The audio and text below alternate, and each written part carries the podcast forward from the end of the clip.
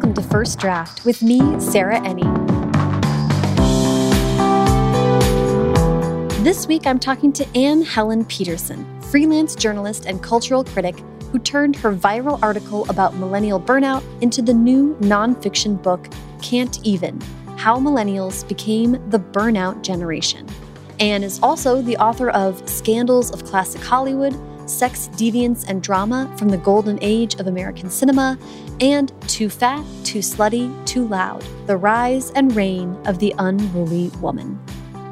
I loved what Anne had to say about the bewildering experience of going viral, some ways that burnout overlaps with certain forms of depression, this book as the definitive explanation of OK Boomer, how she went about trying to capture the texture of the many different ways of being a millennial, and how COVID factors into burnout, something that she didn't get to get into too much in the book itself because she turned in the final edits in March.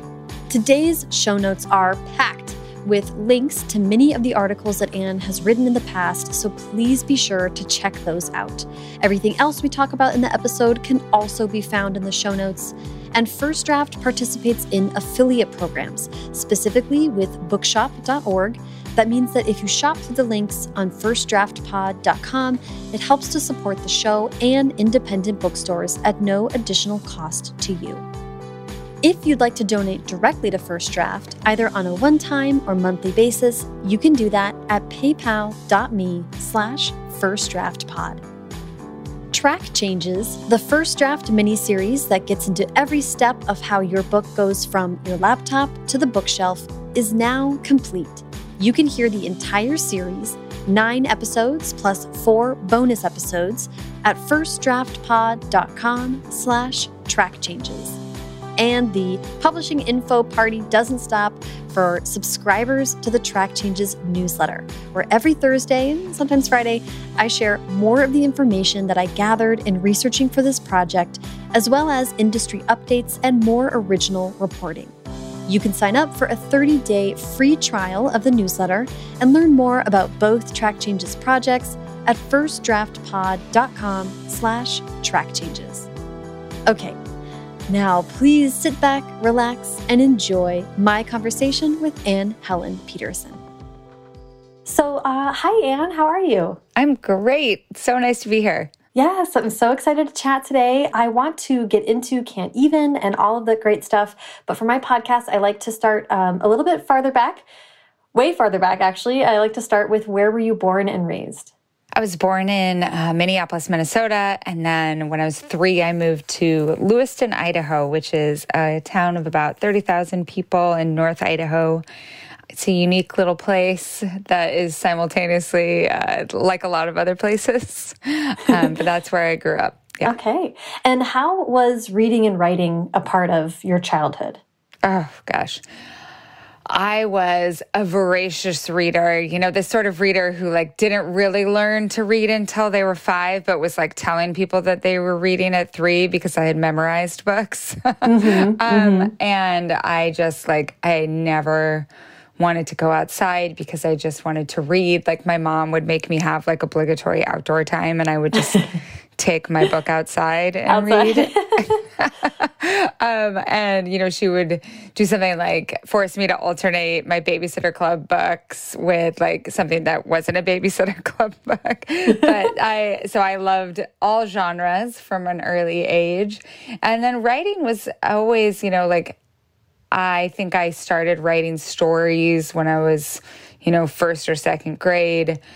But I don't think I really got into like writing, writing in a in a concrete way until college. But I was a a really devoted letter writer, and this I think kind of pinpoints my my age in the millennial spectrum. That I was still a devout letter writer through high school and through college, and even after college. So I was born in 1981, which makes me an elder millennial. But I would go to a lot of summer camps uh, in the summer when I was in high school, and then I would become ardent pen pals with everyone that I met. And then even like when I was in college, I would work at summer camps and the only way that I corresponded with people, like we didn't have cell phones yet and there was no like internet access at the camp. So I would write letters.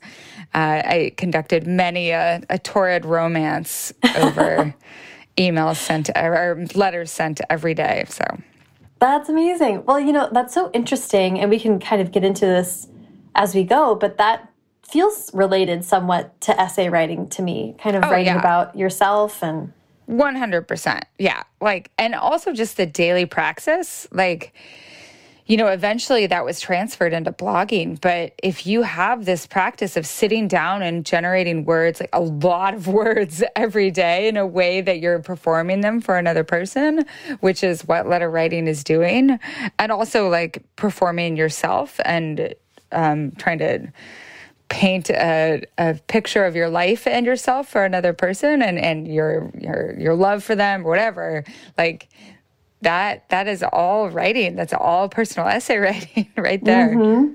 oh i love that um, yeah and, and i want to ask about um, what led you to you went on to grad school and to get your phd and then to work mm -hmm. as a mm-hmm. professor teaching media studies um, and just interested in what what were you studying specifically in school and what were you what drew you to media studies and what were you kind of specifically teaching i wanted to keep writing and thinking about the things that i had been writing and thinking about as an undergrad Mm. And I happened to have a teacher who was my mentor when I was an undergrad who really encouraged a more creative sort of traditional essay writing. So, like, you know, loved when I would do kind of a flourish of an intro paragraph and that sort of thing instead of the dry, staid, traditional writing that I would do in some of my other English classes for like an analysis of 19th century poetry.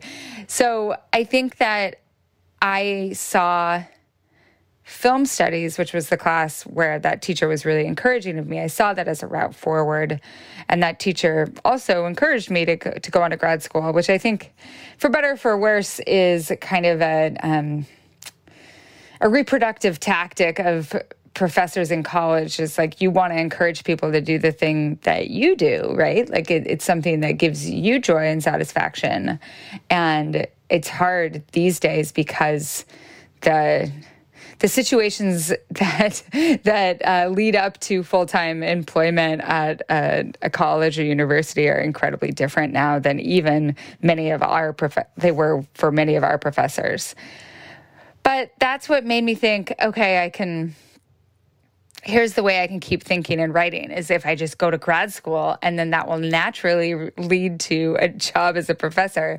I think honestly, I was also just like so scared of the job market. Like I had never really thrown a broad net in terms of job applications. Like I had worked at a bagel shop in my hometown and then I had worked at, you know, the camp that I had gone to. Like it, I hadn't eh, experienced that precarity and I was terrified of it. And so that's how I got to grad school. But in between there, I actually I did experience the job market and I was a nanny because that was the only job that I really had skills for at that moment or and during that time I spent a lot of time letter writing, you know, like I was still writing while the kids would sleep. Um, and also thinking about like, oh, well, this is what I don't want to do for the rest of my right. life. what was I'm interested in media studies specifically like yeah. what was your kind of lens on that or what were you exploring through teaching that you know when I when I first got in I, I mean I should look at my applications for my master's program that I got into. Like they are all about like Western lit and uh, West, like the portrayal of the West on film and that sort of thing, which is not what I went on to study.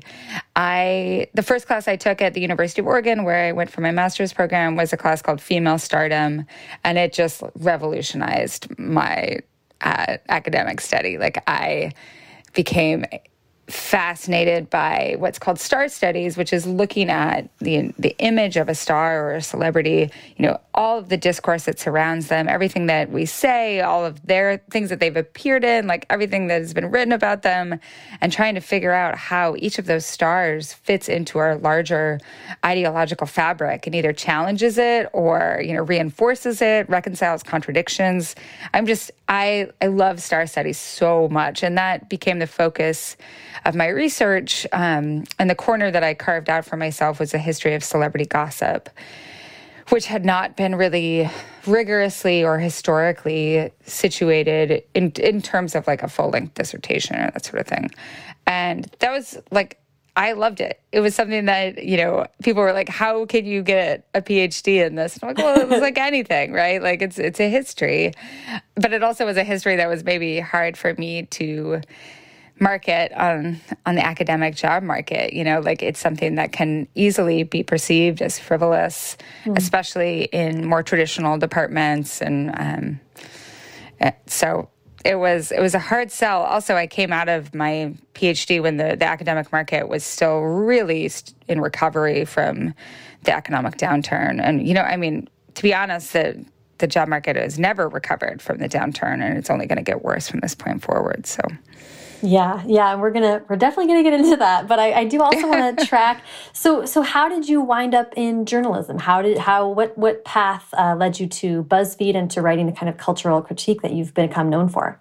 So, when I was a graduate student, I was studying for my comprehensive exams, which, at least in my program, involved gutting a book a day. So, you'd sit down, this is during my summer, every day I had a book on my list, and I would sit down with it and try to, you know, glean all of the most important arguments about it so that I could situate it within all the other books that I had been assigned as part of my reading list. And then I would eventually take these three exams in my subject areas.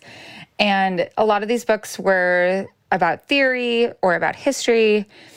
And I loved being able to think about, like, oh, how does this theoretical concept or framework or this historical antecedent how does it relate to today and so i started this wordpress blog this was like 2007 2008 and would make those connections on this blog. It was called Celebrity Gossip Academic Style, which is a title that holds over today in my beloved Facebook group. But uh, it was just, you know, like a geeky WordPress blog. It's hard to remember like how common those were like lots of academics and writers you know either you had a tumblr if you were i think more cool or if you were less cool you had a wordpress blog a free wordpress blog eventually I paid like, I don't know, $75 to get a more professional design from like, you know, one of the places that sold templates. But I just loved writing and getting feedback. And in the beginning, you know, you could look at your stats and I could see that, like, oh, 200 people read this post. That is amazing.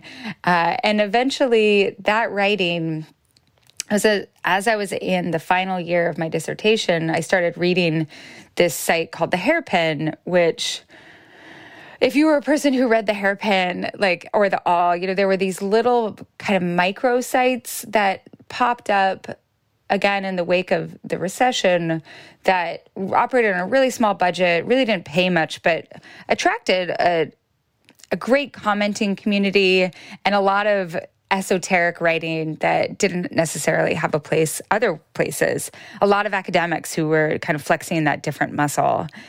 And I started writing these long, long pieces, like 8,000, 9,000 word pieces called Scandals of Classic Hollywood, that were taking a lot of the research that I had already done for my dissertation or for other academic work and just trying to kind of like situate it and filter it for a popular audience in in the tone of of the site, which was pretty jokey and indignant and funny and feminist, but also like to introducing these readers to these stars and these scandals and these ideologies and, and ideas about the past and how Hollywood had operated that I think I mean, I didn't have to make them compelling. They're just like naturally compelling. It's just that they're old. so so I started doing that. I did it for free in the beginning. And then my brother, who used to be a journalist before he became an academic, he was like, You should really be getting, paid like something for this. You're you were you were writing eight to nine thousand word pieces. And I was so nervous. And I asked the editor at the time, Edith Zimmerman, I was like, um, is it possible to get paid a hundred dollars? And she was like, Oh yeah, of course. And and I, I just thought that was fantastic, right? I had never been paid for my writing before. And I thought it was great. And so I started doing that and doing a little bit more of it as I, I eventually I got a job at my alma mater, Whitman College, as a visiting professor. And so I was doing writing for the internet on the side, both for the hairpin and then other places. Like I did a piece for the Believer on the history of the celebrity profile and how that changed in the 1960s and 70s, or a different piece kind of about like the rules of classic Hollywood and the, the star system for Virginia Quarterly. But I never pitched, like, I didn't know how to pitch. I had no idea. I was lucky enough that because I had a main gig, I could just wait until people emailed me and were like, go do this or mm-hmm. would you be interested in doing this and, and basically any amount of money that they offered me i thought was fantastic is all gravy. And BuzzFeed asked me, I had a friend who, this is always so funny. Like, people like, How did you get this job? How do you make connections? I dated a guy for a little bit in Austin, and one of his friends, who's a woman, uh, was like kind of skeptical of me because part of the larger friend group but didn't like you know they wasn't jealous of it or anything like that but just kind of skeptical like wanted to check out who i was what i was doing so she friend requested me and then even though that you know that guy and i didn't work out we still were friends on facebook and you know i read her work and she read my work and then when she got a job at buzzfeed she was the one who was like, "Will you write something for us?" Right. So it's one of those odd, weird connections that you make, and you you never anticipate becoming something else. And I pitched an idea about writing about Jennifer Lawrence and the history of cool girls, kind of situating peak Jennifer Lawrence. This was 2014 within this history of other stars that were very much like her in different time periods. It was Jane Fonda, like early Jane Fonda, Carole Lombard, and Clara Bow. And the piece went viral in a way that, like, one of the first BuzzFeed long form pieces to go viral and essentially wrote my job description. And my my time as a visiting professor like i had applied for the the long-term faculty like tenure job and didn't get it. And i was just like what am i like is is my academic career over? I was really mourning that. But then this other door opened and and to mix my metaphors like i had kind of unconsciously been building myself a, a life raft for some time. And was ready to hop on it when it presented itself. So I gave my last final at my college, Whitman College, at the end of May 2014, and then got on a plane to Brooklyn and moved to New York and started my career as a journalist the next day. That's incredible. That's uh, wild. And also, really very funny to me to think that you had the experience of writing a viral long form piece before it was even your job because that yes. is yes it was just like a thing well and just watching that you know as someone someone now, I think the way that it went viral, like I would be like, oh, that's doing okay, right? Like I wouldn't be that incredibly impressed with it. But when you've never had anything go viral, the first time it happens, it is such a bewildering experience. It's just like, wait, my ever people are reading this all over. They're tweeting it. They don't know who I am. They don't have any reason. So yeah. yeah. That's so funny. Um, I want to ask about, I want to kind of use that as a way to pivot to talking about the millennial burnout article. Yeah. Um, and we're talking about how millennials became the burnout generation, which you wrote for BuzzFeed. I want to kind of start by situating that though and ask you what led you to writing this piece? You get into it in, in the piece and in Can't Even, but can mm -hmm. you kind mm-hmm. of contextualize for us what, what led you to thinking about burnout? Yeah. So, okay. So I started at BuzzFeed in June 2014. At that point, I had been hustling. Like I'd been, I went to grad school for six years, then worked in academia for three years, and then went to BuzzFeed. And I had been, I think it was I when I wrote it, four years at BuzzFeed. And I basically had been working nonstop. Like I took some vacations, right? Like especially I took vacations when I was at BuzzFeed because unlike academia when you really can convince yourself pretty easily just to work all the time, you could actually take days off at BuzzFeed. So, you know, every year I would take kind of like a 2 3 week vacation, which I realize is extreme privilege, but I would just get like I knew that was the only way for me to really turn off was to physically like leave the continent. But still, I had been just working nonstop. Like people at BuzzFeed would be like, "You work a ton. Like, how did you get that work ethic?" And I'm like, "I work less now than I had at acad- in academia." And as a journalist, though, I think I ramped up in my productivity around the lead up to the election. That's when I really started covering more politics and doing more you know what we think of as traditional reporting like you know going on the ground and talking to people. I went to standing rock which is the first time i had done kind of like a breaking news reporting situation and then went to a lot of trump rallies in the lead up to the election. But in my mind like a lot of reporters, I was like, I'm I'm gonna exhaust myself now. I'm gonna put everything into this, and then the election is going to happen, and then I'll have a respite. And that did not happen. and I think, you know, like again, like a lot of reporters, I thought that the way that I could be a part of what was happening and and do my part, I guess, for lack of a better word. I couldn't protest. I couldn't you know, donate to political candidates. Like that's not something that journalists do. But what I could do is report the shit out of everything, right? Like I could work so hard. And I really did that for two and a half years, like just story, one story to the next story, you know, leading up to the midterms, my resolve was strengthened even more. And I was uh, kind of thrown between, you know, doing doing a big feature story on a candidate to like then getting called to go to uh, a mass shooting in Texas, and then going to a story that didn't have anything to do with the news cycle, but that was its own form of, of trauma, going to this tiny little town in southern Utah that was the center of the fundamentalist LDS movement, and where a lot of the women who have escaped the FLDS have come back to try to figure out who they are and to, to rebuild their lives. Um, so reporting on that for a week, which like reporting on any sort of trauma, whether it's a mass shooting or with these women who have endured so much, like it just the the waves of it wash over you. And after that, the midterm election, I just started like getting so mad at my editors. Like I would write something and they're like, oh, "This isn't quite right," and I'd be like, "What are you talking about?"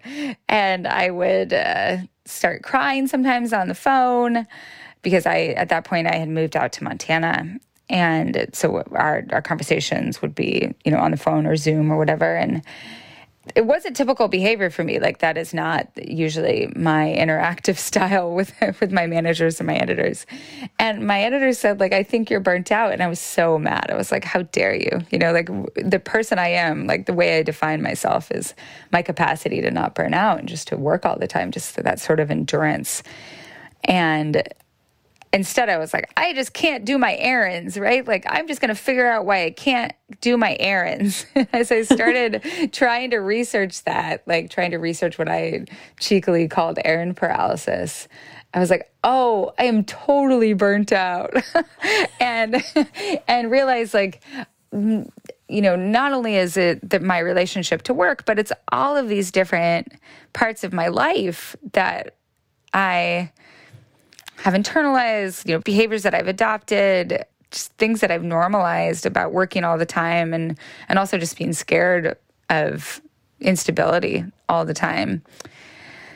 And I just kind of like developed this understanding of of what burnout look like specifically for millennials and try to place that over my life and my experience and try to figure out what was going on.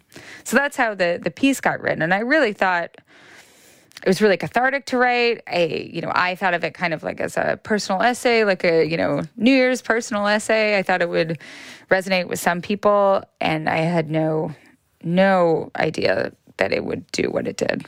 Yeah. So, and thank you for for getting all into that. That's it's like, you know, I was one of the I think millions of people who read the article and was very impacted by it. So but I want to ask, you know, I've never written an essay that went viral. This was like, you know, you have written some in the past, but then there is this. Feels like it was maybe a unique level of experience. Mm -hmm. Can you just can you like just describe what happened with the article and and I'm going to eventually lead to how this becomes a book or how people yeah. express to you that they're interested in a longer form of it. But what what does it mean that this went viral? How did that look in your actual life? How to describe this? So usually like when you publish a piece, you like open I open TweetDeck, you tweet it, and then like you watch as like, oh, like making sure that like some people fave it and like some people retweet it. And I always pressure my partner, who's also a journalist. I'm like, can you tweet this? and uh, then you just gotta watch it, right? But like I at this point in my career try to be pretty try to try to have low expectations about what any piece is going to do because then, then you always surpass your expectations and or are satisfied with your expectations and so i i just remember like i saw one journalist that i follow who was like this this feels like a piece that people are going to be referring to for a long time. That was the first time that I saw a tweet that like gestured in any capacity to any sort of like bigger resonance. And I was like, huh, that's a really nice thing to say. But then gradually it like I left the house and then came back and then looked at my traffic and it was wild. And the thing about having something like BuzzFeed is you just you have a capacity for amplification that like if I if you know if a piece that I wrote and just tweeted and like people retweeted it a bunch, it still has a ceiling on how many people will ultimately read it. Like it's still just it's not going to reach as many people because my networks and my secondary networks are still pretty limited. But BuzzFeed has like these Facebook pages that millions of people follow, and it's not just like the BuzzFeed main Facebook page; it's also the Tasty page where they'll put something like that that is doing really well. Like they can they have these sorts of indicators in their internal stats that show like this is sharing super super well. If we give it a boost on other pages it will do even better, right? So it got that kind of site wide massive amplification, and that turned it into a completely different thing um, that like went into i think like the eventual figure it's like 7.5 million. Wow. So yeah which is really remarkable. And, and, and you know like as you're saying buzzfeed you know has the ability to kind of pull these levers for the article but it did i'm sure there was massive organic i mean i I think heard of it because fr a friend sent it to me, and I then branched out and sent it to. You know, it's like that yeah, kind of I think you know there was a lot of sharing on different social networks, like a lot of Facebook and Twitter shares and that sort of thing. But then there was a lot of what we call dark social, which mm -hmm. is like you can't see the stats when you're looking at it. There's just like this dark area where it's like someone shared this with someone else, like they didn't click on it on a website, they didn't click on it through Twitter they clicked on the link after either, you know, getting someone texted it to them, someone emailed it right. to them, someone G chatted it to them, like right. whatever, you know. Amazing. I mean, it was it was really a remarkable piece, and it was kind of fun to you know uh, what those pieces that are that are always so wonderful because they just open the door for other conversations and give yeah. you a vocabulary to have conversations that have been in need. Um, yeah. I want to ask about, uh, before we get into kind of the specifics of what you're writing about and a little bit about the book, or yeah, about the book, um, how did it become a book? When did that kind of, did you immediately understand that this was a platform you could use for that, or how did that come about? So I wasn't thinking about it as a book. You know, I mentioned this very briefly in the book, but I had been working on a book proposal, a different book proposal, because this is my this is my third book. So I at the time leading up to writing the burnout piece, I, you know, I'd been talking with my agent about what my third book would be and like had written a proposal. It was like about, um, basically about like toxic white femininity, which I still think is a, is a pretty good idea, but, uh, it, it was just forced. It wasn't, it didn't feel organic. It didn't feel natural. And I didn't think of this though, even in like the week afterwards, I didn't really think about it as a potential book expansion. And then uh, a friend of mine at BuzzFeed just tweeted and was like, I love watching like when stuff like this happens and you're like automatic, you're like, oh, I'm thinking of what the book length piece is going to be like. And that was truly the first time that the idea had gone into my mind of like, oh, this could be a book. And I think my agent had been like trying to be respectful of me by not saying, let's throw this other proposal in the trash can and do this book that's based on your viral article. So she hadn't suggested that. But then when I messaged her and was like, what do you think about this idea? And she's like, oh, yeah, I could sell that today, you know? so, so that's how that happened. Amazing. So you kind of had all of the all of the things in place as you mentioned. You have your you are an author, you've had books, so you had an existing structure to kind of move forward with that. What was what was as i mentioned like my listeners are people who are who are writers and i'm interested in from from your perspective was it immediately obvious how this expanded into a book or how did you kind of work out the proposal or think about what the expanded piece was going to look like you know, my training as an academic and as a historian, I knew that I needed to expand it both in terms of you know, I had gestured this to uh, this to some extent in the piece, but I needed to do a lot more of it, um, moving beyond my like white bourgeois experience. So that I think I knew that that would take interviews with people, with other millennials, but also just like doing a lot of broader societal situating. But then I also knew that a lot of how like there was I, there was just so much more about how we got here. So a lot of what I was talking about in the original piece was like, here's what the experience of the millennial feels like, but not as much of, here's what happened to our parents that made us raise us in this way, or here's what happened when we were uh, small children and like here are the, the standard how the standards of child rearing changed or here's what happened when we were in college or how the rhetoric around like finding cool passionate jobs changed and that sort of thing. So i think that because i've done proposals before and gone through the process of that the, there there's such a um, there's space between what your proposal is and what the, the finished book becomes. So I knew that I could kind of sketch out, roughly sketch out what I wanted to do with the book in this proposal in a way that touched the buttons that I knew that like my editor would like and that her boss would like and that would you know make them want to buy the book while also kind of keeping space for adding more as I as I learn more and that sort of thing. So I think that I knew I wanted the history. Like I wanted to expand in depth and I wanted to expand in breadth and also just wanted to do more, I think, with with parents in particular. Like I knew that was something that a lot of millennials that reached out to me were just talking about like here is how this is all compounded by being a parent and also as i continue to think more about my own burnout just like about leisure and how the news cycle makes everything worse and how, you know, really specific stuff about how our phones and our relationship with digital technologies changes and exacerbates burnout. Yeah. So so let's get into it. Let's get into Can't Even. If you don't mind, we've kind of talked a lot about what's in the book, but I'd love to have you just kind of give us the official pitch for Can't Even. Can't Even, how the millennials became the burnout generation, how millennials became the burnout generation. It really is uh, I think it it's trying to be a very uh, accepting book. Like it's like a big hug that says like I see you, and also, but uh, like trying to say like this isn't something that is our fault or even our parents' fault necessarily, but there are all of these very like tangible reasons why this feels the way that it, it does for so many people. So you can look back at our history, our very recent history, and see how it didn't used to feel this way. You can look at other countries and see how it doesn't necessarily feel that way there.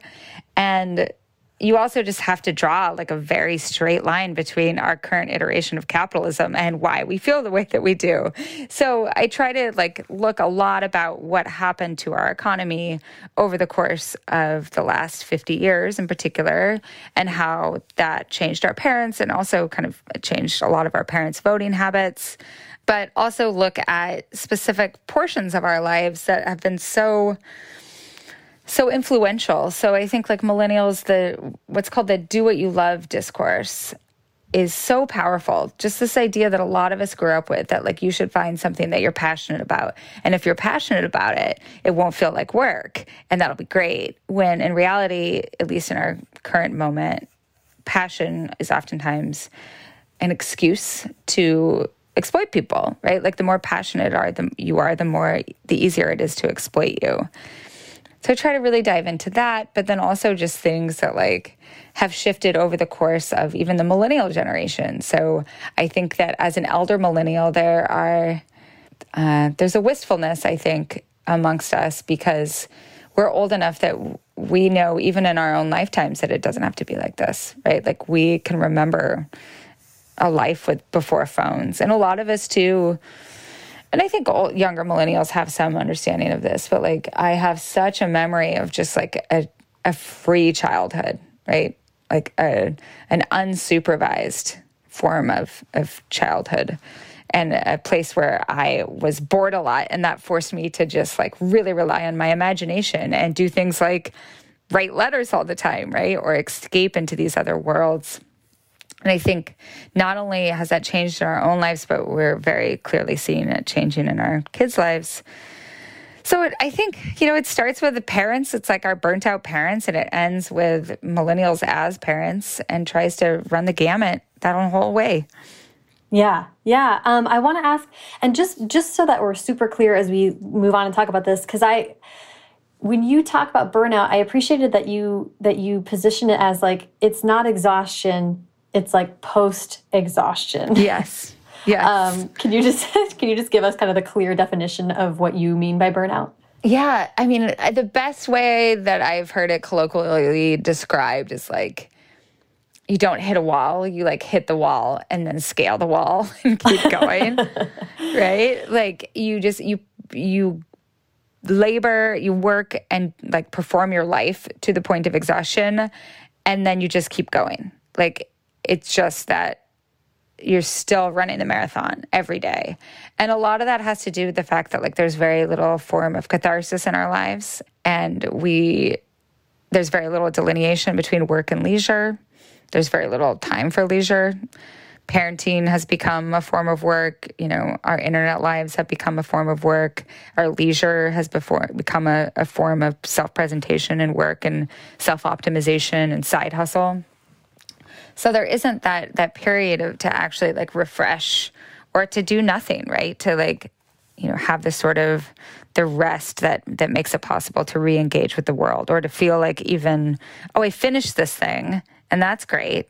And now I'm starting a new thing. That you, there's just not a lot of that either. It's just this long string. And the other thing I think about with burnout and what I was definitely experiencing and, and periodically return to is that feeling that like your entire life, like even the things that you're supposed to be enjoying, like even the high points, all of it has just turned into a like a flat to-do list. And it's just a matter of getting through it. And that that flattening, you know, a lot of that some of these characteristics, you know, they overlap with characteristics of depression and I think a lot of people who are burnt out are also oftentimes experiencing a form of depression, but I do think that they're not necessarily exactly the same. Yeah, yeah, and that was a really helpful. I mean, we'll get into it, but um, there was so many things in reading the book that I was like, oh, that is something I have talked about in therapy and did not like. It was creating a narrative of all these different things that I have noticed and been concerned with in my own life and mm -hmm. didn't connect explicitly. So it was like, oh, okay, this is really helpful. Um, you mentioned contextualizing it, and that's something that I thought was so wonderfully done and can't even, and why I'm gonna like buy copies for all of my friends and family at Christmas and force everyone to read it because it was like, this is, I feel, I, and tell me how you feel about this, but I was like, wow, this is the definitive explanation of okay boomer. Like, this is what we can point to to tell our, my, my parents' generation, like, this is why we're so mad when you say that we're lazy and entitled yes. because it's because you're gaslighting us and you made us this way.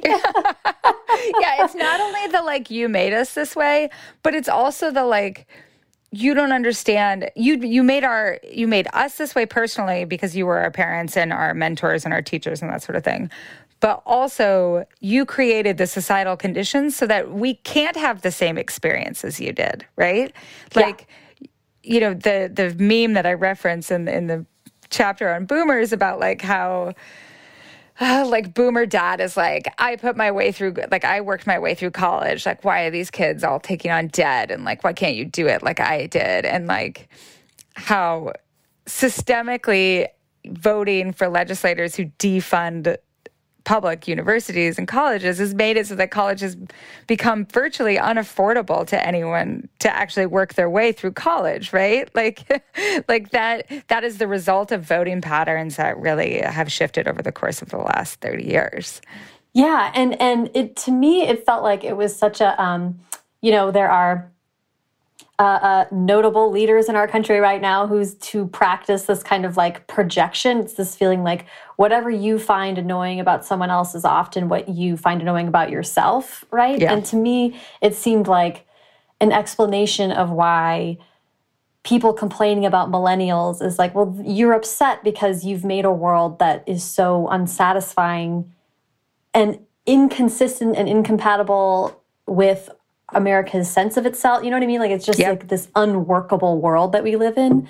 They've created it and now they're so mad about it that they're venting to the people who have to deal with it kind of right. thing. Right. Like there's the or I I mean I even think of something like you know Medicare for all. Like most boomers right now are aging into Medicare. Like they have Medicare. They have it. Why don't you want what you have for everyone? Um, and I think sometimes we get stuck in this prison of like, well, I worked without Medicare for all of these years, so I don't want other people to have it, right? But instead of thinking about like, how great would it be if I didn't have to have that struggle? Well, and the other thing too is that it does, you know, it's not like it's this inherited thing with boomers that like they like they had it harder in most cases they had it harder than their parents. And I try to go through it this in the book, but like the greatest generation, so a lot a lot of millennials grandparents depending on where you lived and what race you were and you a lot of those people coming back from the war even if you were working class because of this halcyon economy, this like once in a millennia, not a millennia, but like, you know, a, a great economy and labor protections and just different ideas about how regulation should work in America, people were able to gain the middle class en masse. So, like the American dream that we talk about, like that is the dream, that is the post war dream. So, you had all of these people who, for the first time in their life, oftentimes were able to rise up from subsistence living in some form.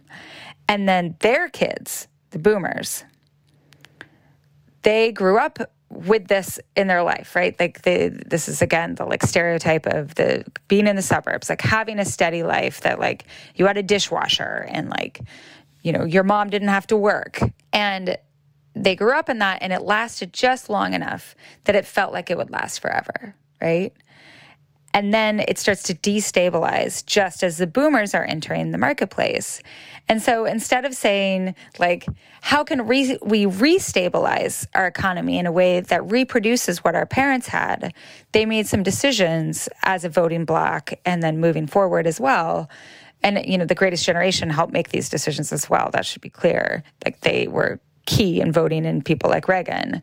They made these decisions that further destabilized the economy and so made it even worse for the boomers kids, the millennials, right? And Gen X is in there too. I want to be clear. Like Gen X is in there suffering with everyone else as well. um, but I think that uh, that it is really fascinating to think about the psychology of this. That like, how can we as millennials in our current choices, how can we try to make things better for generations to come, even if things were not great for us?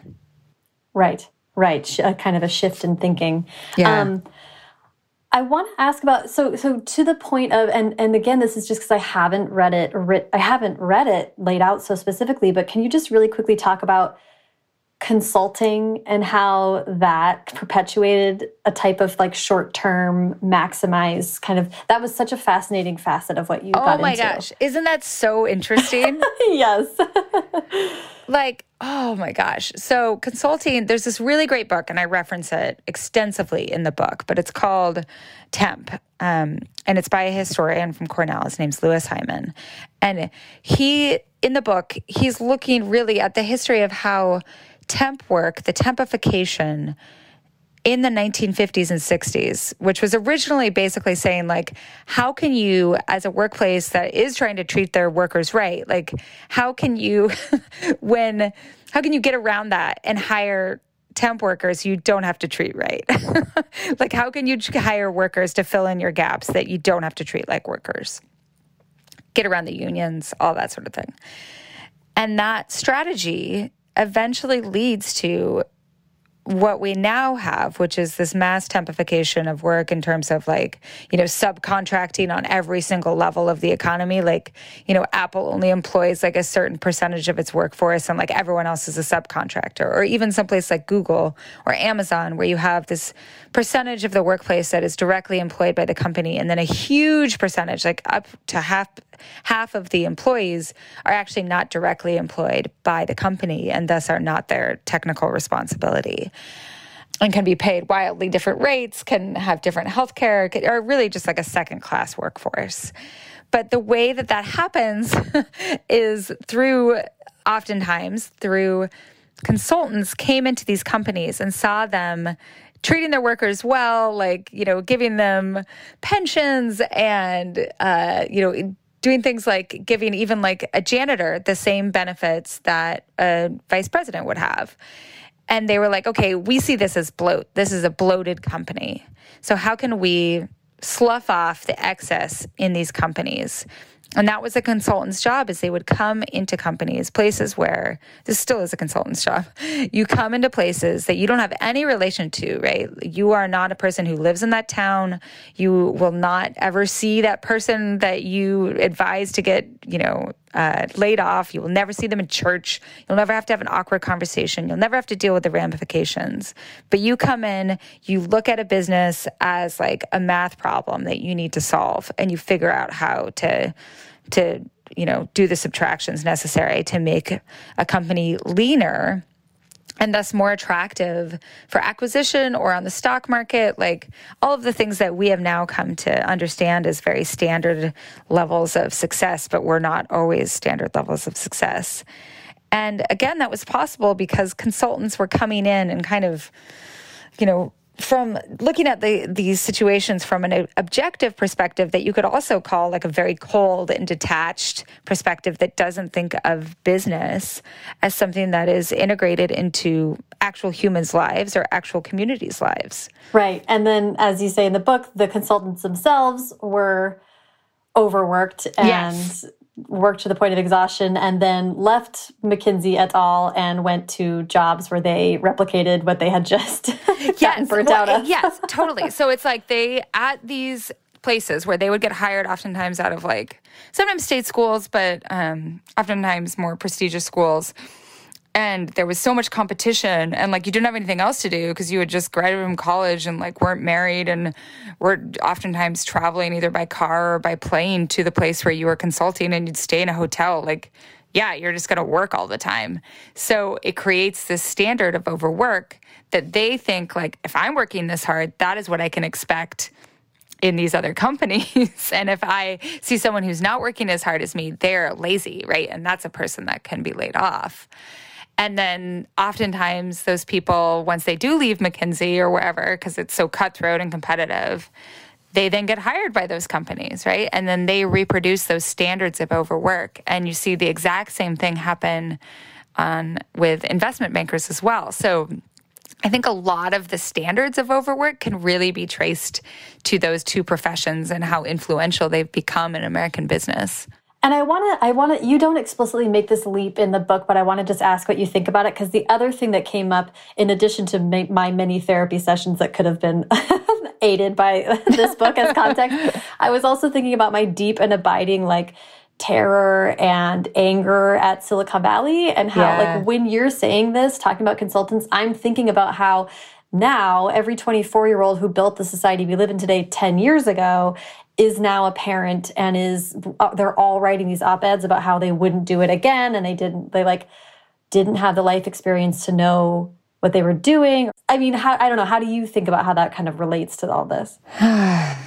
Well, I think, you know, uh, well, and I do talk a little bit about, you know, there were these standards of overwork that were implemented by Silicon Valley in terms of like the way that you incentivize overwork is like investment banking, you like create these perks that keep people in the office. And then you like reward and recruit people who have the capacity to work like robots, right? Mm-hmm. Like to turn themselves into work robots. But on a broader level, you know, like the other day, someone was asking me if I would like go do like a panel or something like that. And they were like, we can only offer you $25. We're a startup. Right. And I think that um, that excuse of like, we are a startup covered up all sorts of bad labor practices, bad behavior in the workplace in terms of sexual harassment and just like vile racist crap, you know, like all sorts of things because they're like, oh, we're just a startup. We don't have an HR department. Yeah. Um, and then also created a world like, you know, something like Uber that refuses to conceive of its employees as employees, instead lists them as independent contractors, which means that they have no rights as laborers and thus like are just subject to all sorts of exploitation and abuse and just no safety net. Like that lack of a safety net is the the number one cause of burnout. That that's a Silicon Valley, you know, popularization is like no matter how much um, you know, like the the number of people who actually work full time in the gig economy is still a low percentage, but those standards of uh, not thinking of your workers as workers, like just that that normalization of distancing yourself from any sort of responsibility for the people who make money for your company, that has become an American standard, and I blame them for that. Yeah, yeah, and and you know, you mentioned in the book and in the original article a a student you had once who in a kind of a moment of despair said that what she wanted was a cool job that she was passionate about. And you do talk about how, you know, in addition to Silicon Valley being like, live here, we'll we'll feed you and do your laundry, and um, and in exchange you'll work 100 hours a week. Right. They also sort of put like the it's a startup. I'm and and I'm not um, a historian, so I'm this is just my personal feelings about it, but they sort of asked everyone to be like, you're supposed to go work for a startup for 100 hours a week, so you have to feel passionate about whatever they're doing, like disrupting going to the movies or whatever it was. They sort of required you to then feel like that was meaningful yeah. in a deeper way. They sort of manipulated this quote unquote passion or sense that that needed to be. It's just sort of distorted everything. Like you're saying, everything's a a to-do list when yep. when everything matters nothing matters type of right feel. when you're passionate about everything then what are you actually passionate about right? right like if passion becomes something that like is a hashtag that you put on like a sponsored thing for your company then is it actually passion right it, right. it dilutes that understanding of what passion actually is yeah which is confusing you know i think when you when you ingest that over x number of years i think then it just becomes really disorienting like, what yeah. do I actually care about? right. Or, like, what do I actually like to do? And this is something that happened in so, I just came up again and again in interviews. Is millennials, like, especially those who have been, you know, career minded since like age 11, which is a fair amount of, you know, middle class millennials, like, looking up you know they get through like their job they get into like a slightly more secure job they have a relationship they might be married they might have a kid they might have two and then like coming up for air and being like who am i? Right? Like do i have a personality? Do i have tastes? Do i know what i like? Do i know what i want to do? Like i mean it's it sounds very similar to the kind of classic midlife crisis of that's mostly associated with boomers but a lot of it has to do with like if you get bound to this wheel of productivity, there's nothing like there's no time to figure out who you are and, and why what matters in your life. And at some point you have a pretty existential crisis about that. Right. Uh, you just mentioned the interviews. I do want to ask about about that. How did you think about you know the, the first piece you thought about it as a, a personal piece and we're thinking about your experience how did you think about doing all these interviews and how did you kind of purposefully try to find people that represented different backgrounds and different experiences and age ranges? Um, and how many did you do? And how, I'm just so interested in that whole process. Yeah, I really wanted to decenter myself. And, you know, I think that to sell a book, you often have to center yourself in some way. Like books like this, they oftentimes like my editor and, and when you're selling and that sort of thing, they're like, say, talk more about yourself. Like there is this attraction to the personal. And I was obviously game for that. But then at the same time, I didn't want this to to replicate a lot of those narratives about millennials, which is like when you talk about millennials, we're actually talking about white middle class millennials. And so what I did is I used Google surveys, Google Forms. And made them pretty elaborate. Like each would focus on a different subject. So, like, some were about high school, some were about gig work, some were about leisure, some were about parenting. I think there was like five, five in total. And I just kind of would form them as I was going through and writing each of the chapters. And then use my networks. So, my Twitter following, I have a, a large Facebook group but then also my page. And then I would ask like the BuzzFeed main account sometimes to retweet me. And that technique actually, you reach a lot of different types of people. I mean, do not underestimate how many white women I heard from and that are not included in the piece, right? like, I, for every, um, person of color that responded, you know, I'd say I have like five re- responses from a white middle class woman. But I, I just sought out the the voices that responded that um, were not similar experiences to mine or similar demographics to mine. And just, you know, whether that meant that they grew up in different places in the United States, uh, with different sort of parenting structures, uh, different races, different immigration status, like all that sort of there's just so many different ways to be a millennial. And so i wanted to try to get to that incredible texture in whatever way i could. Yeah and that's super helpful. I, I appreciate you kind of getting into the specifics of that because that's for people writing books it's kind of like did you do 100 interviews? Were you on the phone for two well, years of your so life? here's the thing is that i thought a lot about it and i was like you know, I could spend a ton of time trying to seek out people in the first place, but like sometimes someone eh, I, I often find that people s- struggle to articulate themselves in quite the way that they want to when they're doing a phone interview. Sometimes people are really, really great at it, right? But maybe just because I also am a writer, I think a lot of people like having that blank space to to it's almost like journaling right like mm-hmm. you it's it's like therapy like you're given the space to talk about it and you don't have to worry in the immediate term of like how someone's responding to you, like whether they're nodding or, you know, typing fast or doesn't sound like they're typing at all. Like, is what I'm saying dumb? And the privacy too. There's just like a feeling of privacy when you're filling out a form like that. And yes, mm-hmm. I know mm-hmm. that it's Google, but like, um, I, you know, I didn't share any of that information with anyone. If someone felt was sharing something pretty intimate or vulnerable or that could be hurtful to a parent or something like that, I was fine with them using a pseudonym. And it allowed me to read so much more from so many more people than if I was just doing one on one written, transcribed interviews. And so I recommend it. I mean, I think some people really like having more control and doing the one on one interviews, but for me, I find that it's always a really generative way of, of finding people and what they have to say.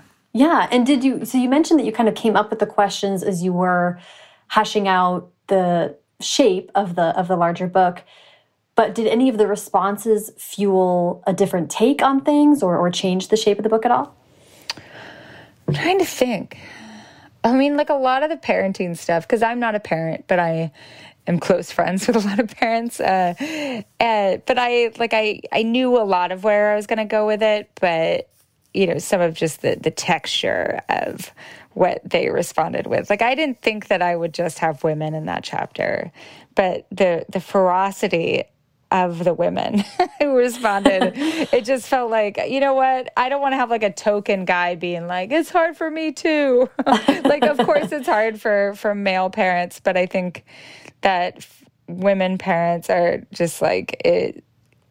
It's like American society is not orchestrated for American female parents like is who work. Like it is just a real it's really, really hard. It's not even for people who don't work. Like it is not structured to make anyone feel good about anything.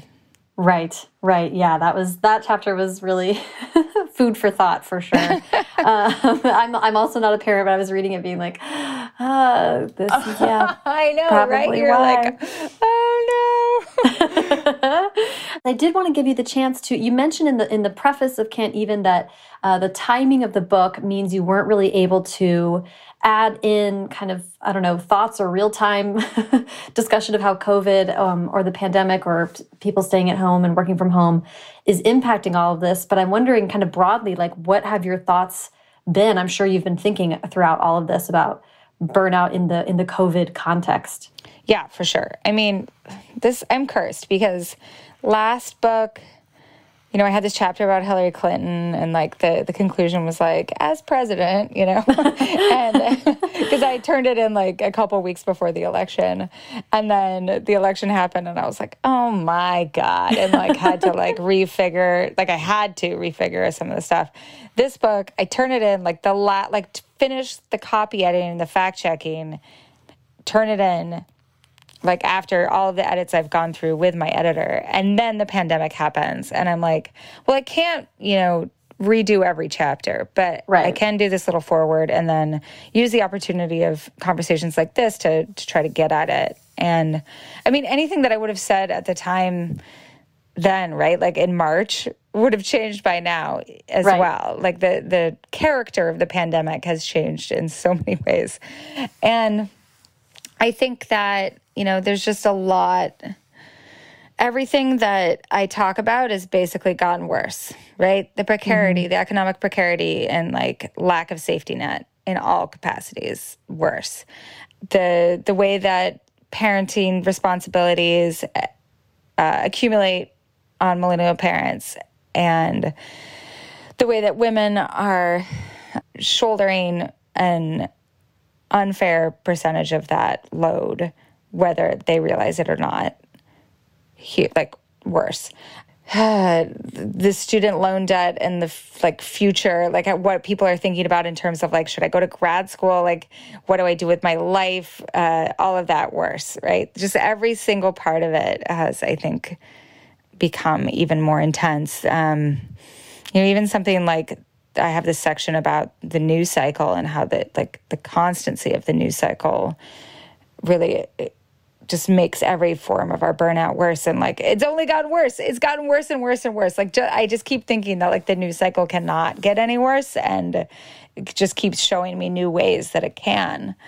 Right. and it's you know like the election is not going to provide a catharsis it's going to get worse after the election in different and unexpected ways but like we're not going to go back to a different way. Maybe maybe eventually in a couple of years like there will be fewer tweets right that wake us up in the morning but but it's not going to be like nothing's going to be like what i hoped the 2016 election would be which would be was like oh i can relax for a little bit you know that's mm-hmm. not going to happen for us and it's not going to happen for parents it's not going to happen for people with their student loans like the you know the the economy no matter even if they get a vaccine in the next two months, like the economy is still going to not be serving people in a way that makes them feel stable and secure and like they don't have to work all the time. You know, that's not going to change either. So, the one thing that I, you know, I have as a refrain in the book is like, it doesn't have to be this way. Like, we can do things as a society to change it, but we have to act, you know, through voting, through advocacy, through not shutting up about it in a way that can make that possible.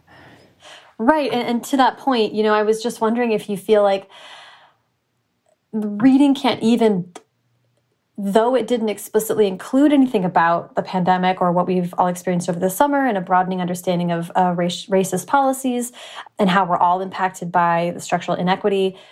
But it does feel like there's a lot more conversations about it. Mm -hmm. um, there's a lot more acknowledgement of it. I think it's become completely uh, you absolutely cannot look away from it because of what's happened over the last six months. Yeah. Um, do you? See, I mean, it's hard to say. Like, do you see that as a positive? But do you think that there are more constructive conversations that are possible now because of what we've all seen? Yeah, yeah, for sure. Like, this is the thing: is that when you make something visible, you can have a conversation about it, right?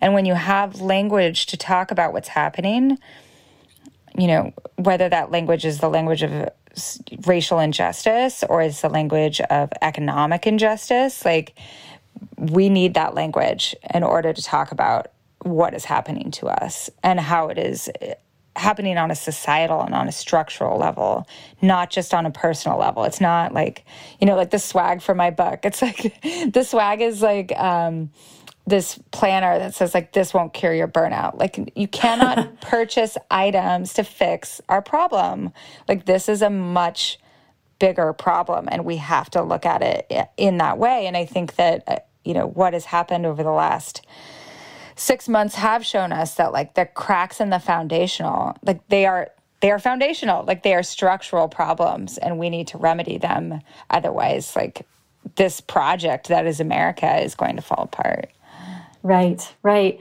Um, I mean, not to wrap up on that note, but, but that was, um, I don't want to keep you all, here all day, but I do like to, to actually end my interviews with advice. And, um, and I'd like to ask you for advice as a, as a nonfiction writer, yeah. as someone who's writing about, you know, I, am really interested in how you, um, I write fiction primarily, and the thought of writing a book that is so explicitly timely. I mean, as you mentioned, you've now twice this has kind of happened to you that you were kind of racing the clock. um, yep. What, what, if any, perspective do you have on that? You know, it feels particularly brave to write a book that is like very much meant for the week it comes out.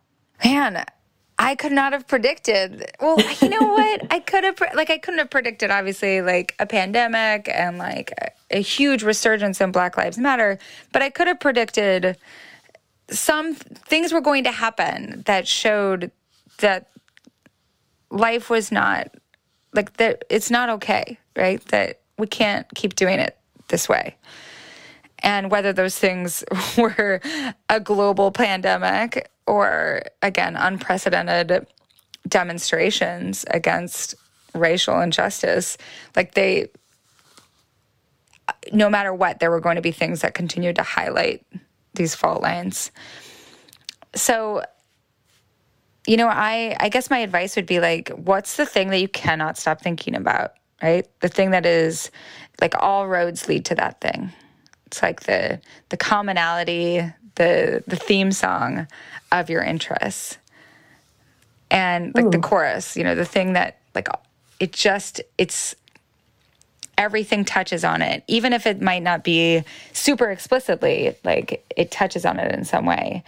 And i think that if you can figure that out that's not going to change right? Because if it's the thing that you keep coming back to over the course of a year that's not you know one news cycle worth of interest. That is that is a, like a societal interest in this moment right and and if something's interesting to you for a year right. how could it not be interesting to other people like it's like I feel like then it passes the test. Like probably other people are also thinking about this, right? Yes. Well, and you know, yeah. and you can use like the thing about selling a book, like an article, you know, has a shorter lifespan, so you can really still stay topical. But the thing about selling a book is if you can you can sell a bigger idea using a peg that is pretty contemporary, like that is like, here's why we're selling this right now, right? But that peg can shift as you write the book and it can adapt to that process. So you can, you know, you're never going to be as immediate as like you know someone blogging on the news as it is but it, people don't expect that of their books unless it's like you know some quickie book that someone's written about the Trump administration. Right. So as long as you can kind of continue to move those those pegs forward up until the point where you can't do it anymore. I think that for me gives me solace that like you know, it's never going to be completely contemporary. But also, if these are things that I keep writing about and I keep thinking about in the rest of my life, like my non book writing life, my online writing life, that's going to keep me anchored to it. Yeah, um, this has been such a fun conversation, and I really appreciate all your time today. Um, and uh, and I can't wait for the book to come out. I really am going to buy it and force my mom and my grandma and my aunt and, and so many of my friends to read it. It was it was very cathartic to read, so I appreciate I appreciate it. Well, that was I. This is such a great conversation. You asked such good questions, so thank oh, you thank so you. much. Thank you so much to Anne. Follow her on Twitter at Anne Helen, and follow me on Twitter and Instagram at Sarah Enni and the show at First Draft Pod. A quick and easy way you can support First Draft is to subscribe to the show wherever you're listening right now. And if you have a couple minutes, leave a rating or review on Apple Podcasts. First Draft was recently named one of Apple Podcasts' top 25 podcasts for book lovers, and I want to thank everyone who left ratings and reviews that drew attention to the show and made that possible. I am so grateful. If you have writing or creativity questions that I can answer with a guest in an upcoming mailbag episode, call and leave that question at First Draft's voicemail 818 533 1998 or record yourself asking the question and email that audio file to me at mailbag at firstdraftpod.com. Haley Hirschman produces First Draft, and today's episode was produced and sound designed by Callie Wright. The theme music is by Dan Bailey, and the logo was designed by Colin Keith. Thanks also to transcriptionist at large Julie Anderson. And as ever, thanks to you, OK Zoomers, for listening.